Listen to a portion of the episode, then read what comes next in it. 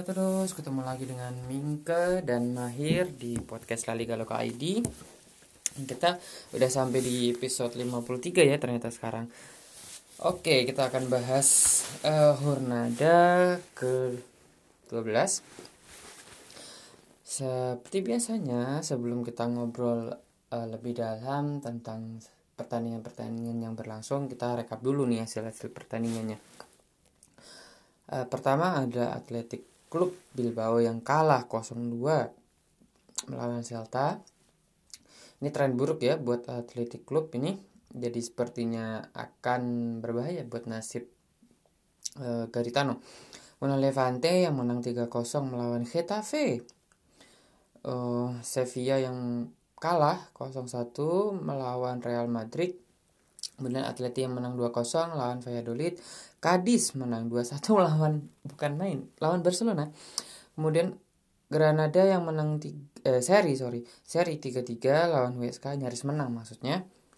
Kemudian Osasuna yang kalah 0-2 lawan Real Betis. Kemudian Villarreal eh, lawan LC, Deportivo lawan Sociedad, Eibar lawan Valencia. Ini saya rangkum semua karena ketiga pertandingan ini hasilnya 0-0 ini mungkin yang um, bela-belain nonton Senin malam di sini di di Spanyol atau di Belanda karena waktunya sama jam 3 dini hari ya berarti Selasa dini hari itu yang nonton bela-belain mungkin ya kecewa ya kemarin kelihatan di uh, Twitternya Valencia ini agak apaan sih ini pertandingan kosong-kosong Oke, pertama ada Celta Vigo yang meraih dua kemenangan beruntun setelah kemarin menang lawan Granada ya. Sekarang menang lawan Atletik Atletik Bilbao jadi udah dua kali menang lawan klub yang eh, kami setanya merah putih. Ya tapi jangan lawan Atletik juga nanti. Kemudian mereka nih mencetak 7 gol di tiga laga terakhir. Nah ini memang sejak di Sejak Oscar Garcia diganti Kude, eh, ini memang grafik Celta membaik. Jadi sebelum mereka menang berturut-turut itu mereka sem kalah sebetulnya lawan Sevilla 4-2. Ya, tapi itu sudah terlihat kebangkitan mereka karena mereka sebenarnya sempat sempat unggul 2-1 kemudian dibalik uh, oleh Sevilla ya. Nah, kebangkitan ini tuh sudah sudah sudah terlihat dan tinggal menunggu waktu. Tapi saya pribadi tidak menyangka bahwa kebangkitan itu akan datang se -se secepat ini ya.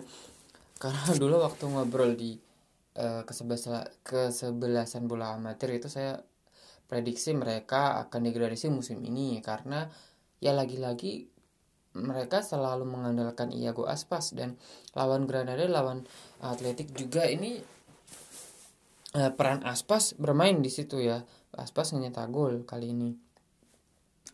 Di Granada kemarin e, mereka men, ya, maksudnya Aspas ini me, mencetak satu asis nah e, tapi yang yang yang agak mengkhawatirkan itu adalah sampai kapan mereka mau bergantung terus kepada kehebatan Iago Aspas. Iago Aspas ini kan usianya sudah 30 lebih dia sudah ya masih cepat tapi tidak secepat uh, dulu. Dan dengan bertambahnya usia dia juga semakin rawan cedera kan. Jadi pertanyaannya seperti tadi kalau aspas absen katakanlah ke cedera uh, atau yang lebih ringan karena akumulasi kartu kuning atau mendapat kartu merah atau yang lebih sering terjadi sekarang uh, tes Hmm, PCR-nya itu positif, dia positif COVID-19. Lalu siapa yang akan menggantikan Aspas di sini? Nah, itu yang menjadi pertanyaan bagi uh, Celta Vigo. Kalau tidak ada Aspas, akankah mereka berhasil uh, seperti musim dua musim sebelumnya menghindari degradasi? Saya masih yakin tidak. Tapi kita lihat di akhir uh, musim ya nanti seperti apa. Atau ya jangan terlalu jauh di pertengahan musim nanti setelah lewat 18 laga seperti apa uh, Celta Vigo. Kemudian uh, uh, ini WSK WSK ini gagal menang gagal menang uh, melawan tim yang uh, sedang turun sebetulnya yaitu Granada mereka sebetulnya sampai menit 87 itu uh, udah unggul ya di 1-3 uh, pencetak gol ketiganya itu Shinji Okazaki ini. Wah publik Jepang kalau nonton kemungkinan memang banyak yang nonton. Ini pasti bersorak-sorak ya karena Shinji Okazaki bikin gol.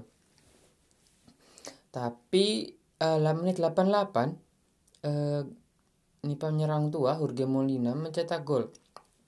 Bukan 2-3 kemudian menit 90 uh, lebih. Ini German Herman Sanchez ini mencetak gol. Jadi jadinya 3-3 nah sebetulnya Molina itu dia ada kesempatan tapi membentur tiang kan. Di menit 90 plus 4 kalau nggak salah. Itu hampir saja keduanya berbalik jadi 4-3 itu akan jadi uh, remontada yang sangat menyakitkan buat HSK yang sangat spektakuler buat Granada. Karena mereka membutuhkan kemenangan. Beberapa uh, partido ini mereka trennya menurun karena setelah kalah dari Real Sociedad dua pekan lalu kemudian pekan lalu mereka kalah lawan uh, Celta sekarang imbang lawan WSK yang WSK belum pernah meraih kemenangan kan? Mereka catatannya adalah 8 seri dan 4 kalah. Kemarin di di di Twitter pribadi di ATM Garis saya udah udah menulis ada catatan menarik di Hornada 12 ini yaitu WSK ini satu-satunya tim yang belum pernah menang. Dia mencatat tadi 8 seri 4 kalah. Kemudian uh, Betis itu tim yang tidak pernah seri jadi dia nggak nanggung. Kemudian ada Atleti yang tidak pernah kalah. Jadi tiga tim ini uh, kalau lihat klasemen ada angka nolnya di salah satu um, tabel. Nah um, udah kita ngomongin WSK yang masih gagal menang kemudian ada Real Madrid. Real Madrid ini sedang sedang tren menurun kan karena mereka habis kalah dengan uh, Shakhtar yang uh, menyulitkan diri sendiri. Karena itu bikin mereka mau nggak mau harus menang lawan Borussia Mönchengladbach yang sedang bagus. Nggak dalam puncak memang tapi sedang bagus peluang untuk mengalahkan Gladbach masih ada tetapi tapi kalau melihat optimisme teman-teman di Speltak Indo Gladbach tidak akan mudah dikalahkan. Nah ini eh, Madrid kemarin justru ketika orang berpikir mereka akan kesusahan melawan Sevilla karena Sevilla sedang bagus dan mereka menyimpan banyak pemain karena uh, waktu lawan Chelsea di Liga Champions karena mereka tidak uh, perlu menurunkan tim inti karena mereka kan sudah memastikan lolos. Jadi pertandingan lawan um, Chelsea sudah tidak berarti kan paling cuma perebutan pos juara grup. Ya tidak terlalu bernilai lah. Lebih mm, mereka mereka lebih memilih untuk memain menjaga, menjaga pemain inti untuk dimainkan melawan Real Madrid.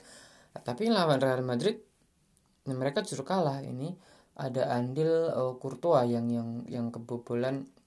Eh yang sebelumnya selalu kebobolan gitu kan. Di enam pertandingan sebelumnya selalu kebobolan. Tapi lawan Sevilla eh, berhasil clean sheet. Ini yang dua catatan spektakuler waktu dia menggagalkan dua tendangan eh, salto eh, bicycle kick.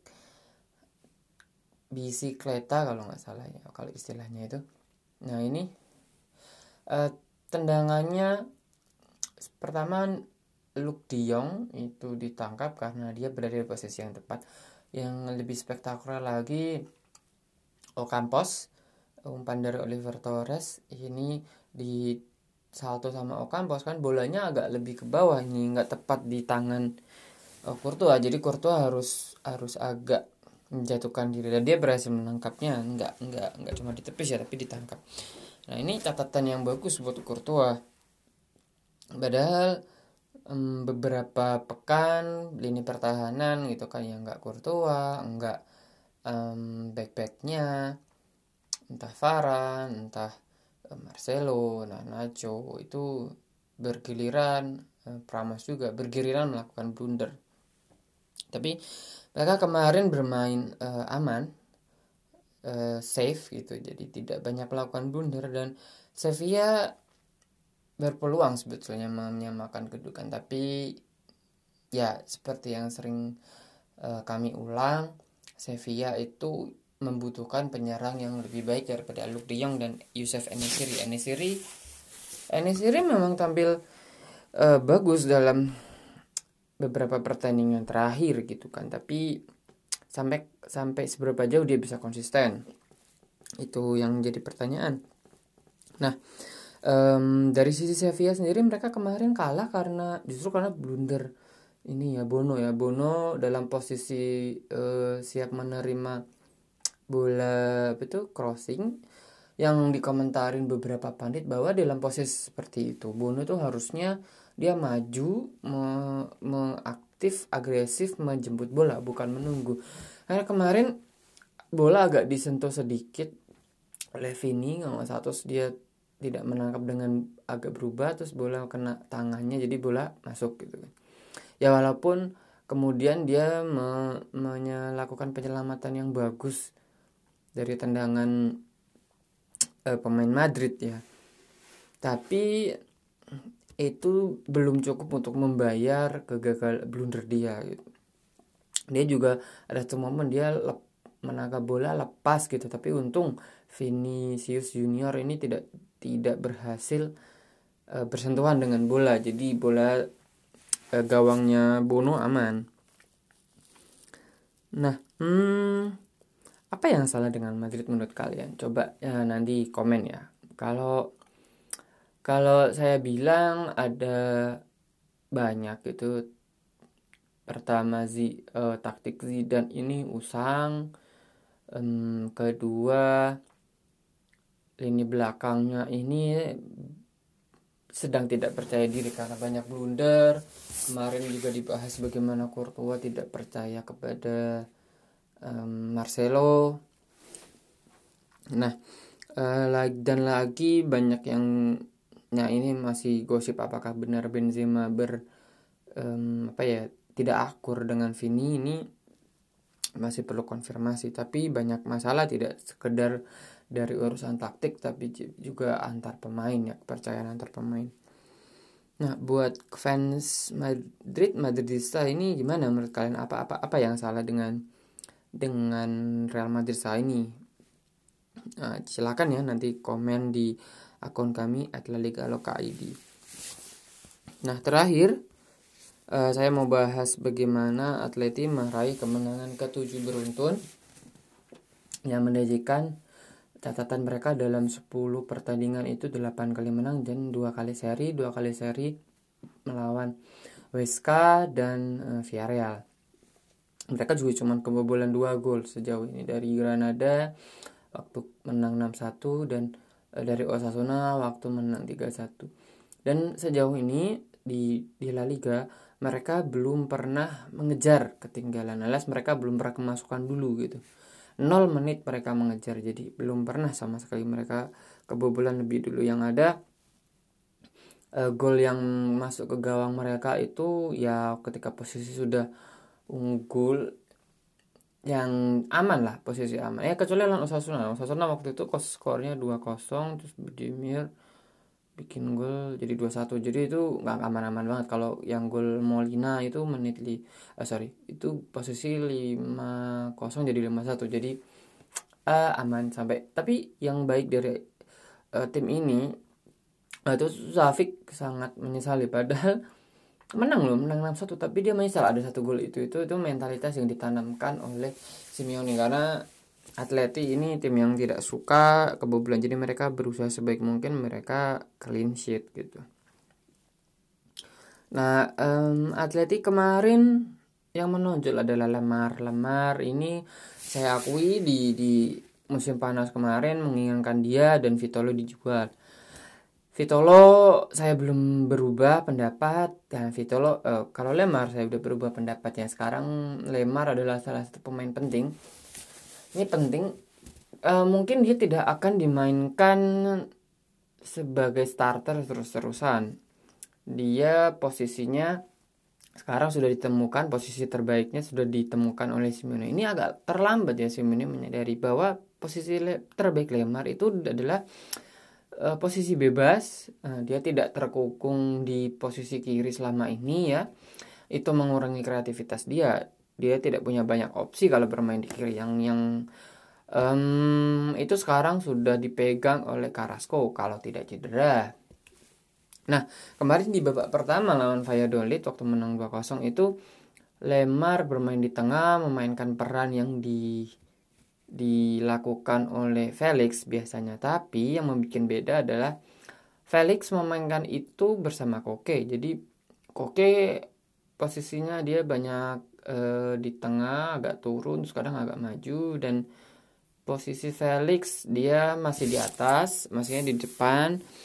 Kadang di melebar ke kiri atau ke kanan jadi tidak terlalu turun nah Lemar karena tidak ada Koke ini kemarin jadinya dia bermain lebih ke dalam karena eh, tidak ada yang bisa mendistribusi bola sebagus Koke.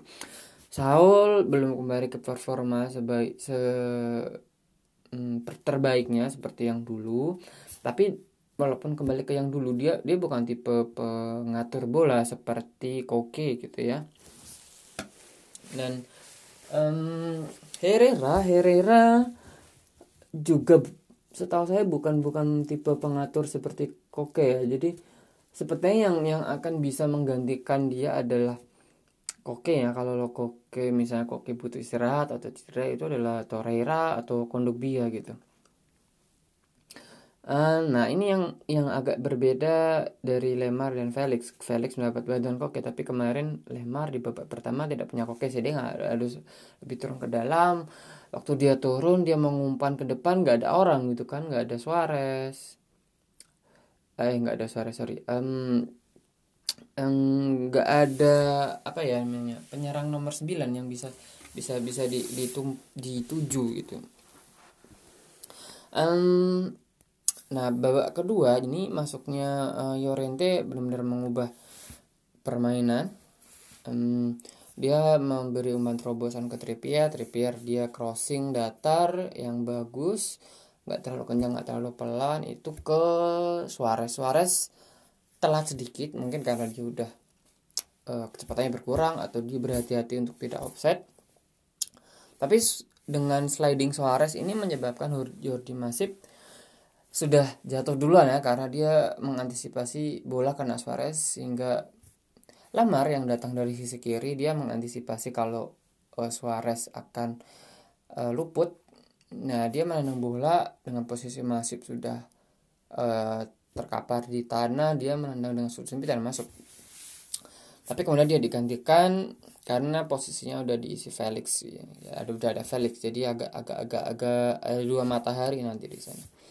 Nah, uh, kebangkitan Lemar ini sangat penting karena Felix nanti dia pemain terbaik Atleti musim ini tanpa diragukan. Tapi dia butuh istirahat, nggak bisa main terus-terusan. Kalau kayak nggak nggak mungkin dia dalam seminggu itu main dua tiga pertandingan terus menerus itu akan sangat melelahkan belum lagi nanti ada Nations League ada jadwal uh, jeda internasional ada pertandingan persahabatan yang nggak penting-penting banget nah, itu akan membutuhkan rotasi yang yang sangat-sangat hmm, mumpuni ya dari dari Simeone ini. Makanya di sini kebangkitan Lemar akan sangat uh, berguna untuk sepanjang musim asal dia tidak cedera. Yang masih mengkhawatirkan dari Atleti adalah uh, cuma ada Suarez di posisi nomor 9 Saponyik nggak bisa diharapkan kami yang masih terlalu uh, muda dan belum pengalaman Costa cedera mungkin eh, masih lama katanya masih tiga bulan dan tidak bisa menunggu sampai uh, musim panas untuk beli pemain jadi sebetulnya harusnya Januari mereka sudah siap untuk mendapatkan pemain baru mungkin dengan pinjaman karena kondisi untuk beli pemain dengan eh, bayar penuh sekarang akan sangat sulit karena tidak ada penonton, tidak ada pemasukan dari banyak lah. Kemarin kan juga dibahas bagaimana eh, batasan gaji itu diturunkan atleti itu batasan gajinya turun sampai sekitar 150 juta. Jadi bisa terbayang bagaimana kondisi eh, ketatnya keuangan tim-tim La Liga nggak cuma atleti ya Oke, okay.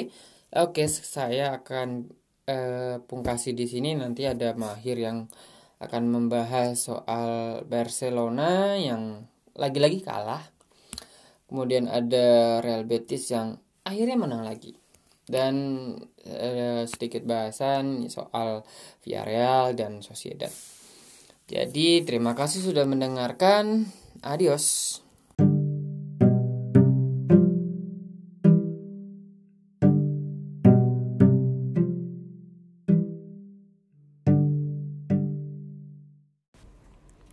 Buenos días, buenas tardes, buenas noches Kapan pun Anda mendengarkan podcast sederhana kami La Liga Loka ID Nah, seperti biasa kami membagi sesi-sesi. Tadi rekan saya Minke sudah membahas beberapa beberapa partidos atau laga menarik di Hornada ke-12 La Liga.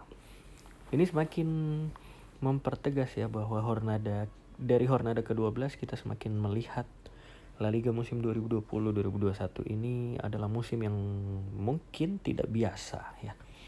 Mungkin tidak biasa karena uh, udah menjelang pertengahan musim tapi Real Madrid dan Barcelona dua raksasa yang biasanya memenangkan La Liga itu masih masih jauh dari puncak klasemen. Mungkin Real Madrid udah dekat. Nah, tapi Barcelona nih Barcelona masih tertahan di papan tengah. Bahkan urutan keberapa mereka yang 8 atau 10 ya. Dan nah ini akan kita bahas mungkin agak panjang ya karena Barcelona di Hornada ke-12 ini mengalami kekalahan keempat mereka di tangan Cadiz. Enhorabuena, felicidades, congratulations ya Cadiz ya. Kalau adminnya Cadiz admin Twitternya Kadis Indonesia mendengar podcast ini respect dari kami respect banget dari kami karena Kadis meskipun mereka adalah tim promosi mereka berhasil mengalahkan dua raksasa La Liga yaitu Barcelona dan Real Madrid. Seingat kami sih yang berhasil melakukan itu dalam beberapa waktu terakhir adalah musim lalu ya Levante. Tapi Levante sudah berpengalaman main di La Liga ya. Jadi mereka sudah sudah uh, mereka promosi itu mereka promosi kembali itu tahun 2017 kalau nggak salah. Dan di musim lalu 2019-2020 mereka uh, performanya lumayan bagus ya. Dan berhasil mengalahkan Barcelona dan Real Madrid. Memang agak mengejutkan tapi tidak tidak seheboh ketika sekarang ini Cadiz berhasil mengalahkan Real Madrid dan Barcelona. Karena Kadis bukan hanya tim promosi, mereka juga tidak memenangkan Segunda Division ya. Jadi juara Segunda Division kan kalau ada yang ingat adalah Weska. Bukan Kadis, Kadis hanya finish sebagai runner up. Tapi respect sekali lagi respect dari kami karena Kadis berhasil mengalahkan dua raksasa dua raksasa ter terhebatnya uh, La Liga Spanyol nih. Dan bukan hanya raksasa di La Liga ya, Barcelona dan Real Madrid, tentu saja raksasa di Eropa dan bahkan raksasa dunia juga. Sedangkan Cadiz, mungkin tidak banyak orang yang tahu bahwa ada klub bernama Cadiz. Nah, saya mau cerita sedikit. Jadi eh, beberapa tahun yang lalu, meskipun saya baru selesai kuliah di Sevilla, tapi saya hanya sempat uh, bermain ke kota Cadiz itu hanya sekali ya. Uh, Cadiz dari Sevilla sebenarnya nggak terlalu jauh. Itu naik kereta kalau nggak salah cuma satu jam. Tapi karena saya tidak punya banyak waktu saya harus kuliah ya. Saya waktu itu main ke kota Cadiz dan itu pun cuma sehari hujan lagi waktu itu.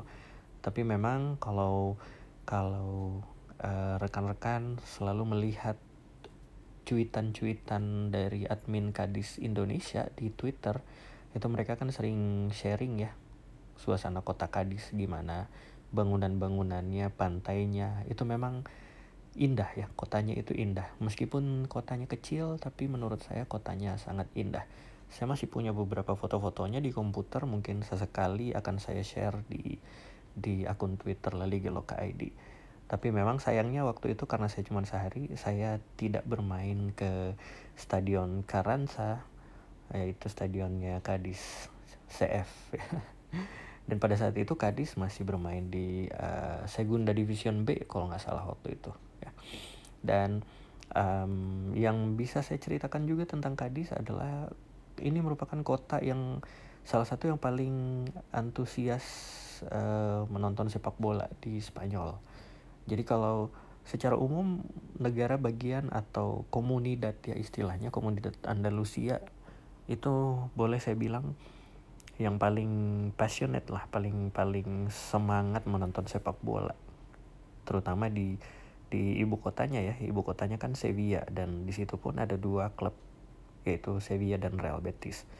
Nah boleh dibilang Cadiz merupakan kota kedua dengan uh, fanatisme sepak bola yang paling heboh lah di di Spanyol Selatan. Dan itu terlihat meskipun terakhir kali mereka tampil di La Liga itu kan musim 2005-2006. 14 tahun setelah setelah maksudnya 14 tahun uh, dari tahun 2006 mereka baru promosi lagi di tahun 2020. Tapi tetap saja mereka tidak ditinggalkan oleh fans mereka yaitu para kadistas. Nah, itu beberapa waktu yang lalu ada yang nanya via mention ke kami uh, fans Kadis itu disebutnya apa ya? Kadistas ya. Jadi kalau Sevilla kan Sevillistas Madrid Madridistas Kadis ya Kadistas gitu. Nah um, mungkin secara realistis sih mungkin uh, Kadis.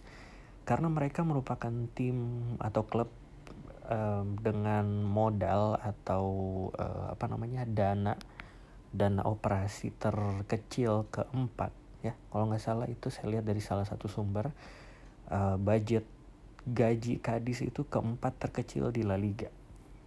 Uh, saya lupa satu dua tiganya siapa tapi mungkin Eibar masuk salah satu di situ ya. Kemudian uh, secara logika aja USK pasti masuk juga di situ karena dua klub itu merupakan klub yang terkecil di La Liga.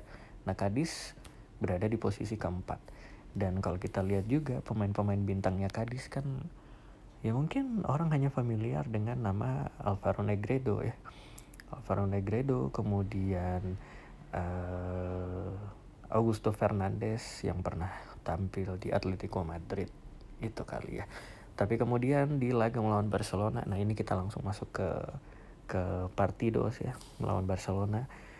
Di Stadion Carranza itu Kadis berhasil bermain dengan percaya diri meskipun mereka sadar mereka secara kualitas pasti kalah dari Barcelona.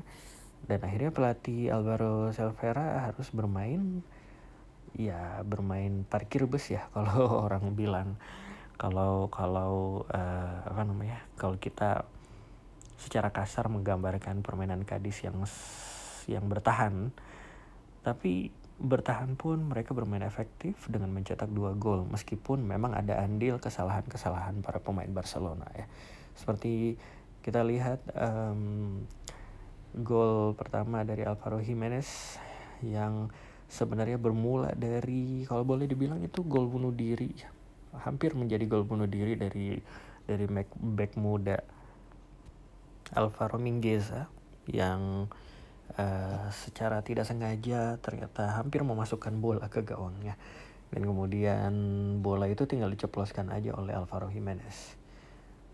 Meskipun sempat membalas melalui gol bunuh diri dari pemain Cadiz yang salah belokkan bola crossing Jordi, Jordi Alba um, ternyata akhirnya kesalahan sendirilah yang membunuh Barcelona ya jadi Kesalahan dari Clement Longley dan Marc-Andre Ter Stegen berhasil dimanfaatkan oleh Alvaro Negredo, striker veteran yang ternyata masih masih tajam dan uh, sebenarnya kalau tajam tidak terlalu tajam ya. Kalau nggak salah Negredo baru mencetak uh, tiga gol di La Liga, tapi gol-golnya sorry dua gol kalau nggak salah ya. Tapi peranannya itu sangat-sangat penting. Kalau kita kalau ada yang ingat waktu di laga melawan Real Madrid Negredo mencetak asis yang berbuah gol dan kemudian di laga melawan Barcelona ini Negredo kemudian mencetak gol. Meskipun baru masuk di babak kedua ya luar biasa. Dan pengalaman memang tidak bisa bohong Negredo dengan segudang pengalamannya bermain di uh, beberapa negara Eropa seperti di Manchester City. Dan kemudian terakhir bermain terakhir dia main di mana ya? Di Liga Uni Emirat Arab kalau nggak salah. Tapi sebelumnya dia bermain di Turki ya. Jadi Alvaro Negredo memang masih uh, striker berkelas ya. Kita masih lihat bahwa naluri mencetak golnya itu tidak hilang meskipun dia sudah berada di pertengahan usia 30-an. Dan Kadis mungkin kalau saya pribadi sih memprediksi mereka tidak akan lama berada di mereka kan sekarang masih tergolong papan atas klasemen ya. Tapi saya sih memprediksi Kadis tidak akan lama bertahan di papan atas atau papan tengah klasemen. Tapi bagaimanapun juga orang akan mengenang prestasi Kadis mengalahkan dua raksasa La Liga ini tidak akan dilupakan sampai kapan pun kalau menurut saya ya. Jadi meskipun 15 tahun, 20 tahun dari sekarang prestasi mereka mengalahkan Barcelona ini masih akan dikenang orang sampai kapan pun juga gitu. Kalau dari sisi Barcelona sendiri, saya pribadi tadinya uh, memprediksi ya. Jadi kalau ada yang ingat di salah satu edisi kami, uh, kami memprediksi bahwa Barcelona sebenarnya ini merupakan fase sulit Barcelona aja karena mereka berada di masa transisi ya dari dari pelatih sebelumnya ke Ronald Koeman dan Ronald Koeman memang terlihat terlihat memberi kepercayaan kepada beberapa pemain muda untuk menggantikan beberapa posisi yang dianggapnya tidak tidak bagus lah gitu. Dan kalau saya pribadi melihat Ronald Koeman lumayan berani ya karena ya selain karena banyak yang cedera pemainnya dia juga lumayan berani memberi kesempatan kepada back seperti Oscar Mingueza beberapa pertandingan terakhir udah dipasang di di tim utama Barcelona kan. Kemudian pemain-pemain muda seperti Trincao uh, Serginho Dest meskipun pemain asing tapi usianya kan masih muda bang banget ya. Masih muda banget baru 20 atau 21 tahun dan uh, ada Pedri dan kemudian uh, siapa lagi pemain muda satu? Ya ada Pedri ada Pedri ada Trincao ya. Kalau menurut saya sih uh, Ronald Koeman mungkin ingin meremajakan skuadnya tapi kalau menurut saya juga itu terlalu berani. Dan itu bisa terlihat pemain-pemain ini kadang ya memang darah mudanya bagus dan Pedri kemudian uh, Pedri sudah mencetak gol ya dua gol kalau nggak salah selama ini. Minggesa sempat bermain bagus Trincao sempat bermain bagus tapi kemudian ya anak-anak muda ini menurut saya sih mentalnya tuh belum belum teruji lah gitu. Dan apalagi mengimbangi uh, jadwal-jadwal ketat karena Barcelona masih bermain di Liga Champions kemudian main di La Liga ya tapi sebelumnya sih saya sempat memprediksi bahwa di bulan-bulan Desember ini adalah titik balik Barcelona ya. Itu mulai terlihat di minggu lalu, pekan lalu, karena mereka sempat menghantam Osasuna dengan skor 4-0. Tapi kemudian di laga melawan Cadiz ini, saya sebenarnya memprediksi minimal mereka bisa membawa pulang satu poin. Tapi ternyata di laga melawan Cadiz, Barcelona tersungkur dan menelan kekalahan kekalahan keempat dalam bahkan belum setengah musim. Nah ini lumayan gawat ya sebenarnya. Tapi saya pribadi masih masih uh, optimis karena Barcelona di beberapa laga ke depan itu yang pertama bermain di kandang sendiri, kemudian beberapa lawan terlihat masih bisa mereka atasi ya. Seperti misalnya Valencia, kemudian ada Eibar, kemudian uh, siapa lagi lawan-lawan mereka selanjutnya? Pokoknya yang saya ingat karena yang berat-berat udah lewat kan ya. Sevilla udah lewat uh, Real Madrid udah lewat kemudian Villarreal udah lewat. Terakhir Atletico Madrid udah lewat ya. Melawan dua Madrid itu Barcelona kalah. Nah yang yang terberat selanjutnya sebelum putaran pertama berakhir adalah Real Sociedad. Tapi mereka menghadapi Real Sociedad di kandang sendiri. Nah, tapi kalau dengan catatan kalau Barcelona tidak mampu melewati bulan Desember ini atau menghadapi pergantian tahun dengan memperbaiki performa mereka, saya pun mungkin mulai pesimis ya. Jadi mereka bisa finish di papan atas gitu. Ataukah mungkin Barcelona lebih fokus ke Liga Champions? Kita lihat saja nanti.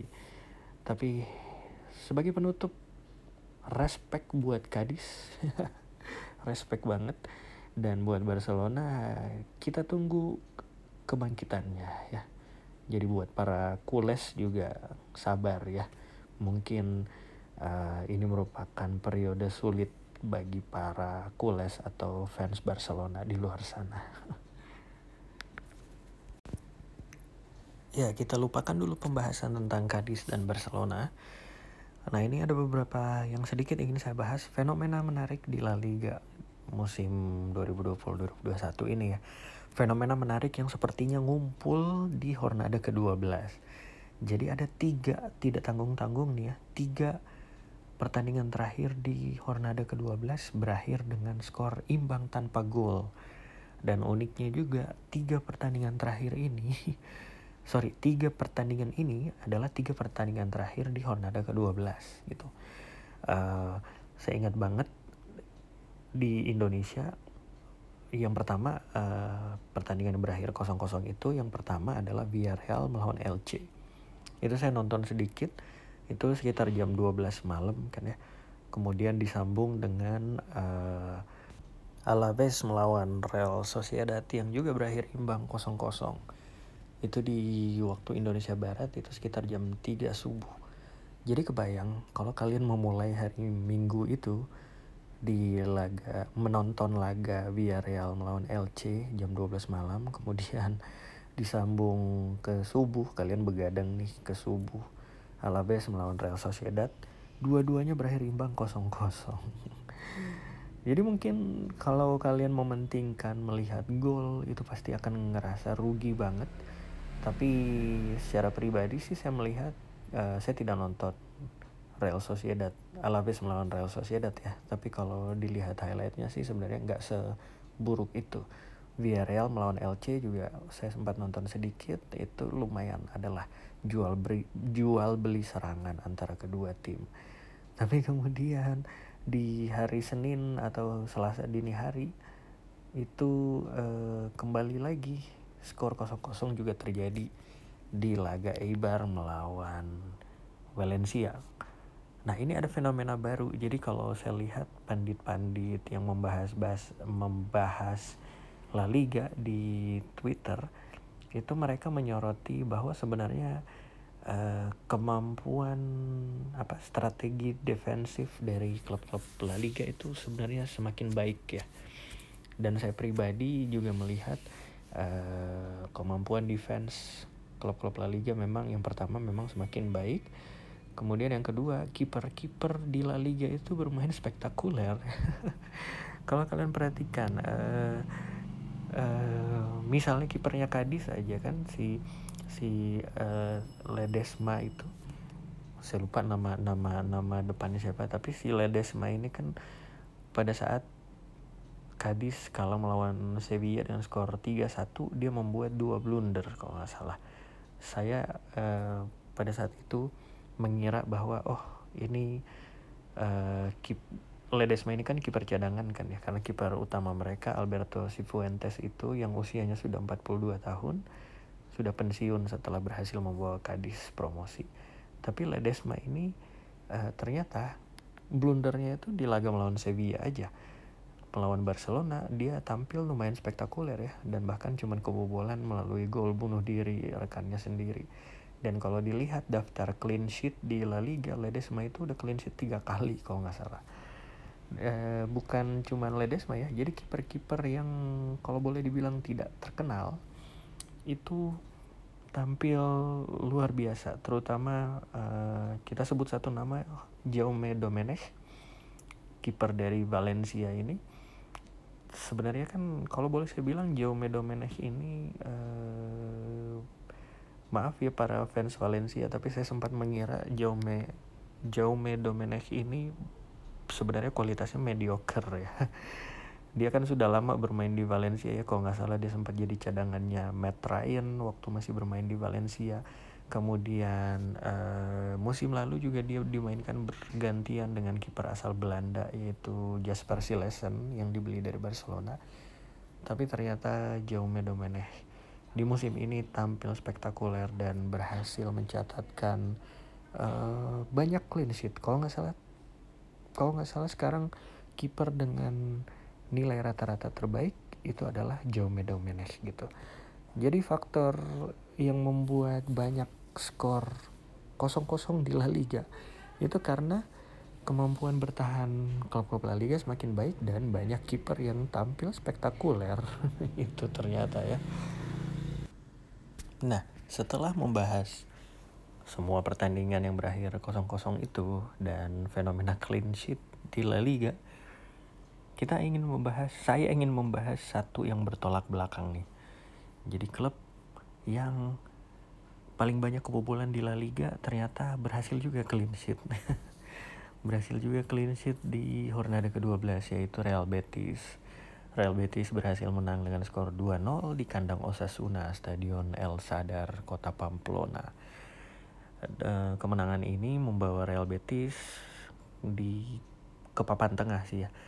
Mereka masih berada di papan tengah tapi poin mereka tuh sama dengan Barcelona. Ya tentu saja Barcelona masih memiliki tabungan beberapa pertandingan Real Betis sendiri sudah menang empat kali tapi kalah tujuh kali. Tapi masih berada di posisi papan tengah, luar biasa ya. ya kita sering membahas nih tentang Real Betis di beberapa edisi podcast terdahulu. Dan Real Betis ini saya pribadi sih lumayan bersemangat ya melihat Real Betis karena mereka dilatih oleh Manuel Pellegrini. Tentu saja Manuel Pellegrini kita ingat sebagai pelatih bertangan dingin di La Liga Meskipun dibenci para Madridistas karena gagal membawa Real Madrid juara musim berapa tuh? Ya saya lupa ya pokoknya beberapa musim lalu dan mereka kalah dari klub kasta ketiga di uh, di Copa del Rey. Tapi kita masih harus ingat bahwa Manuel Pellegrini adalah pelatih yang berhasil membawa Villarreal finish sebagai runner up di musim 2007-2008 dan juga membawa Villarreal semusim sebelumnya sukses menembus semifinal Liga Champions. Klub kecil dari kota Villarreal di negara bagian Valencia itu sekarang menjadi salah satu klub besar di La Liga dan yang pertama membuat mereka berprestasi adalah Manuel Pellegrini tentu saja.